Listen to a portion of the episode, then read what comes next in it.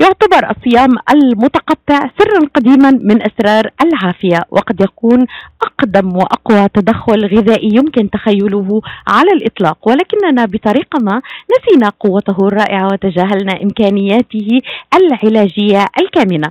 ومتى تعلمنا طريقة الصيام الملائمة يكون لنا الخيار نصوم أو لا نصوم. ما هو الصيام المتقطع؟ لماذا لا يعتبر الصيام المتقطع حمية بحد ذاته؟ ما هي فوائد الصيام المتقطع؟ وهل له أضرار؟ كل هذه الأسئلة وغيرها نتناولها اليوم مع الدكتورة نسرين صوان في فقرة صحه وحياة الدكتورة نسرين صوان أخصائية الأمراض العصبية وأمراض الصداع والآلام المزمنة أمراض اضطرابات النوم. أيضا الدكتورة صوان مختصة بطب التجميل الليزر وعلاج السمنة. صباح نور دكتورة ومرحبا بك. بعيدا عن أجواء السياسة ونبقى في الصحة والحياة. نعود إلى الأجمل. بعيدا عن مشاحنات السياسة وما لها وما عليها. صباح الورد حبيبتي صباح الورد. صباح النور دكتورة. اليوم يعني برنامجنا مهم وربما مادة غنية لمن يحب الصيام المتقطع. العديد دكتورة من الناس يعني يبدأ. ربما يعتقد أن الصيام المتقطع ممكن أن يكون فعال جدا لتخسيس الوزن أو لإنقاص الوزن. كيف ترين الموضوع دكتورة؟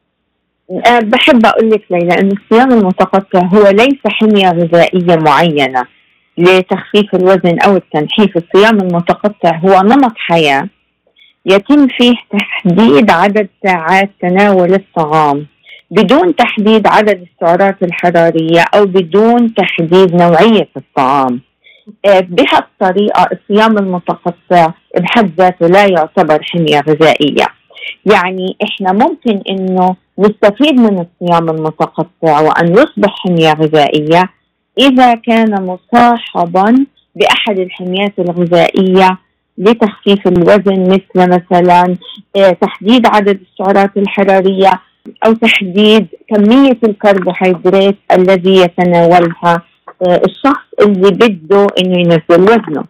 هلا غلط كثير كبير إنه إذا إحنا مثلا بدنا نقول آه أنا هلا بدي أخلص من الدايت بدي آكل اللي بدي إياه فعارفيني إني أنا أعمل صيام متقطع. لأنه يعني مثلا بتلاقي كثير إعلانات اخلص من الرجيم واعمل صيام متقطع. من غير تعداد الوحدات الحرارية وفيكي إنك أنت تاكلي كل شيء. هذا الشيء توتالي غلط. الدليل ليلى أنا بدي أسألك هلأ إحنا بنصوم في رمضان شهر كامل كان من الناس بيفقدوا وزن وكان من الناس وزنهم بيزيد اللي بيفقدوا وزن هم اللي بيحددوا السعرات الحرارية اللي بيزيدوا هم اللي بياكلوا قطايف وكنافة وشو اسمه مقالي وفاست فود ومشروبات غازية وسكاكر يعني هلا مثلا يعني في رمضان إذا ما بنحدد كمية الأكل وما بنحدد نوعيته كمان ممكن إنه يزيد وزننا صح هذا الكلام؟ نعم طبعا بالتأكيد دكتورة آه فعاد هلا يعني اللي أنا بقول لك هي إنه ممكن إنه إحنا نعتبر الصيام المتقطع حمية إذا كان مصاحبا بحمية. طيب يعني هذا الشيء كثير مهم هو طبعا الصيام المتقطع يعني في له طرق مختلفة. واحدة منهم اللي هي إنه الواحد ما ياكل لفترة طويلة 16 أو 18 ساعة. يعني زي ما بنعمل برمضان بس ما بفرق برمضان إنه إحنا ما فينا نشرب.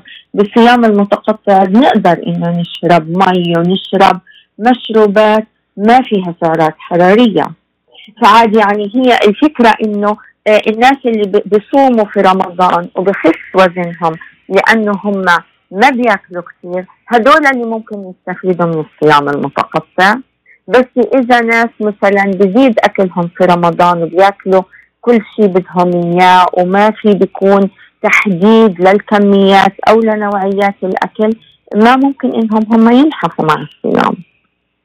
دكتورة يعني بدأ كثير من اليوم كما أشرت إعادة اكتشاف هذا التداخل الغذائي لما قد يحمله من منافع إذا تم آه، ضمن الإطار السليم يعني. آه، لكن آه، يغيب عنا هل تقصدين بالصيام المتقطع؟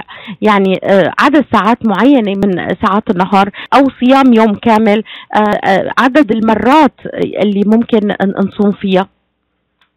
هلأ في له طرق كثيرة يا ليلى. أشهر الطرق هي اللي إنه الشخص يتناول الأكل لمدة 8 ساعات ويصوم ل 16 ساعة. ممكن إنه يتغير الشيء هذا مثلا يتم تناول الطعام لمدة 6 ساعات ولا الصيام يكون 18 أو إنه يتناول الطعام لمدة أربع ساعات ويكون الصيام لمدة 20 ساعة. يعني هي الفكرة يتم حساب فترة الصيام من آخر وجبة تم تناولها في اليوم. يعني مثلا لو أنا بدي أعمل اللي هو ال 8 hours و 16 hours اللي هي 8 ساعات آه إنه يتم تناول الطعام فيها و16 ساعة صيام. لو كانت آخر وجبة 6 مساء. في هذه الحالة بيكون الصيام من 6 مساء لليوم لثاني يوم 10 صباحا. يعني 10 صباحا في اليوم التالي يعني في 16 آه، ساعة صيام. يمكن إنه الشخص يشرب قهوة أو شاي قرفة زنجبيل من غير إضافات من زي سكر أو حليب أو كريمر أو حتى المحليات الصناعية لأنه كل هذه الأشياء تقوم بتحفيز البنكرياس لإفراز الأنسولين. وإحنا الفكرة من الصيام المتقطع من يعني أهم شيء في الصيام المتقطع إنه إحنا بدنا نوقف إفراز الأنسولين لأنه زيادة الأنسولين في الدم لها مشاكل كثير كبيرة. فعاد يعني هي طيب، الفكرة طيب إنه الفكرة دكتور يعني كيف يعمل الصيام المتقطع؟ يعني كيف يمكن أن آه لو آه اعتبرناه إنه آه نافع ما هي آلية عمل الصيام المتقطع؟ آلية عمل الصيام المتقطع. إحنا لما بناكل الجسم يقوم باستعمال الطاقة من الطعام اللي إحنا بنتناوله آه، من تقريبا سبع لثمان ساعات. بعد هيك الجسم بيستمد الطاقة من الجلايكوجين المخزن في الكبد من مدة ثلاث ساعات لأربع ساعات. بعد هيك يقوم الجسم باستعمال الدهون المخزنة بالجسم ويكسرها لتوليد الطاقة. فعاد في هذه الفترة إنه آه يعني الجسم بدا يكسر الدهون تبعته. هذه هذه الفكرة من الصيام المتقطع. أهم شيء في الموضوع إنه في فترة الصيام يتوقف البنكرياس عن إفراز الأنسولين. هذا الشيء يساعد على التخلص من الدهون. بنفس الوقت إنه لازم إنه إحنا نعرف إنه الأنسولين هو آه هو هرمون يؤدي إلى بناء الدهون. فعاد عدم وجود الإنسولين لهالفترات الطويلة ممكن إنه هو يؤدي إلى تكسير الدهون.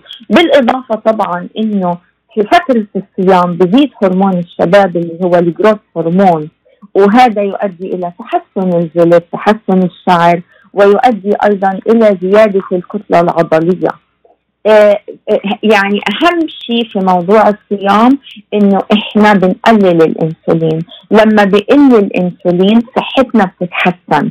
يعني بصفة عامة آه، يعني قلة الأنسولين في الجسم تؤدي إلى تحسين حالة الصحة، تقليل مستوى الالتهاب بالجسم، تقليل أمراض القلب وزيادة الكوليسترول طيب، هل نستطيع أن نسمي دكتورة يعني الصيام هو ممكن يكون فترة تطهير تنظيم إزالة سموم كما أشرتي. يعني الإحجام طبعاً. عن تناول الطعام لفترة محددة من الوقت آه، آه، صحي تماما يعني ويعيد لنا الحيوية والنشاط آه، كما كما أشرتي.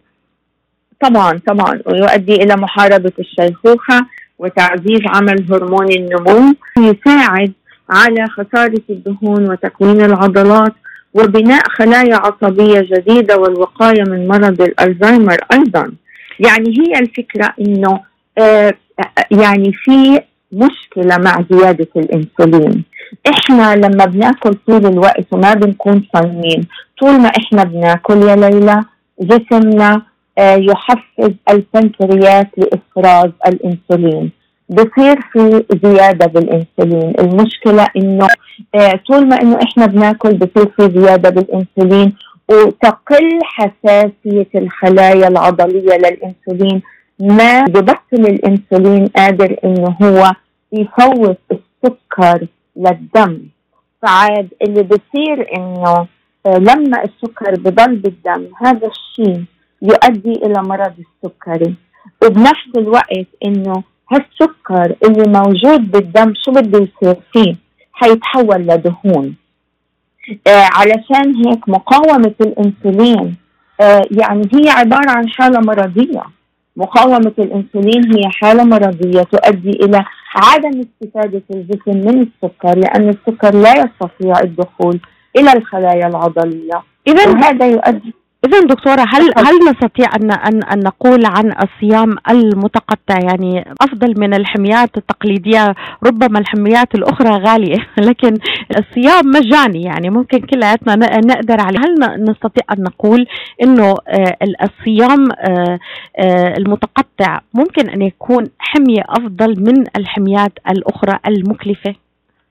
طبعا إذا كان مصاحبا بتحديد كمية السعرات الحرارية وبنفس الوقت إنه اختيار نوعية الأكل. يعني مثلا فلنفرض إنه إذا في حد عمل صيام متقطع وخلال الثمان ساعات إنه مثلا هالشخص يأكل طول الثمان ساعات ويأكل شغلات سكرية وأشياء مثلا دهون ويعني آه، آه، مثلا أكل مقلي والأشياء هذه كلها آه، اللي راح يصير إنه راح يصير في تحفيز لإنتاج الأنسولين طول الوقت يعني ما راح يكون في فايدة من الصيام. يعني لو فرضنا دكتور أخذت عملنا تجربة عملية لو صمنا من الساعة 11 للساعة 7 مساء آه، هل هذا آه، ينفع مثلا؟ هل هذا هو آه، نظام جيد؟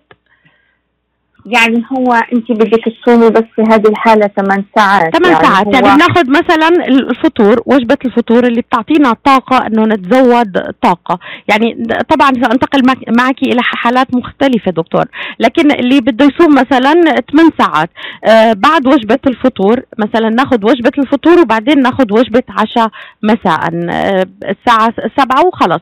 هل رأيك هذه هذه طريقة ناجحه والله بصراحة يا ليلى هذا الشيء إنه إذا كان مثلا آه، يعني ثمان ساعات هو رح يكون الجسم عم بيستخدم الطاقة من الأكل اللي أكلتيه على الساعة 11 وبعدين قبل ما يبدأ يحرق بالجلايكوجين وبالدهون رح تكوني أكلتي المرة الثانية فعاد حيبدأ يستخدم الأكل من الوجبة الثانية. لكن تعرف يا ليلى إنه إحنا أجسامنا يا إما بتكون في حالة آه بناء يا إما في حالة حرق. طول ما إنه إحنا بناكل وإنه السكر بيزيد والإنسولين بيزيد إحنا في حالة بناء للدهون. يعني عندي سؤال دكتورة يعني آه ثاني سؤال على السوشيال ميديا أيهما أفضل؟ الصيام 8 ساعات 16 ساعة يعني من الفطور للفطور من الغداء للغداء من العشاء للعشاء. يعني ماذا تنصحين دكتورة بموضوع الصيام المتقطع؟ آه أنا اللي بنصح إنه فترة الصيام تكون أطول من فترة الطعام. لأنه يعني هو إذا الصيام ثمان ساعات ما راح يكون في مجال إنه يبدأ الجسم إنه يحرق من المخزون لأنه أنت عم بتمديه طول الوقت بالأكل. سو so, اللي بحاول إني أنا أقوله لازم فترة الصيام تكون أطول من فترة الفترة اللي الشخص بياكل فيها. آه لازم إنه إحنا نعرف إنه إحنا لازم إنه آه يعني نحاول انه نطهر جسمنا عن طريق الصيام المتقطع وعن طريق تخفيف السكر وتخفيف الإنسولين. لأنه إحنا إذا خففنا السكر وخففنا الإنسولين بتزيد حساسية الجسم للإنسولين وبنستفيد منه. بس طول ما إنه إحنا عم ناكل وبزيد السكر وبزيد الإنسولين تحدث مقاومة الإنسولين اللي هي مرتبطة بال diabetes number 2 ومرتبطة كمان بزيادة السمنة ومرتبطة بتكيس المبايض يعني الفكرة اللي بحاول أقول لك إياها إنه مقاومة الأنسولين هذه حالة مرضية تؤدي لكل هذه المشاكل وطبعا لأمراض القلب وزيادة الدهون الثلاثية وكل الأشياء هاي مقاومة الأنسولين من وين بتيجي؟ من الأكل المستمر الذي يؤدي إلى إفراز البنكرياس عن طريق زيادة السكر في الدم. يعني إحنا طول ما إحنا بناكل بزيد نسبة السكر بالدم بزيد الأنسولين وطول ما إنه في استمرارية في إفراز الأنسولين وزيادة الأنسولين تحدث مقاومة الأنسولين اللي هي مرتبطة بكل المشاكل هذه.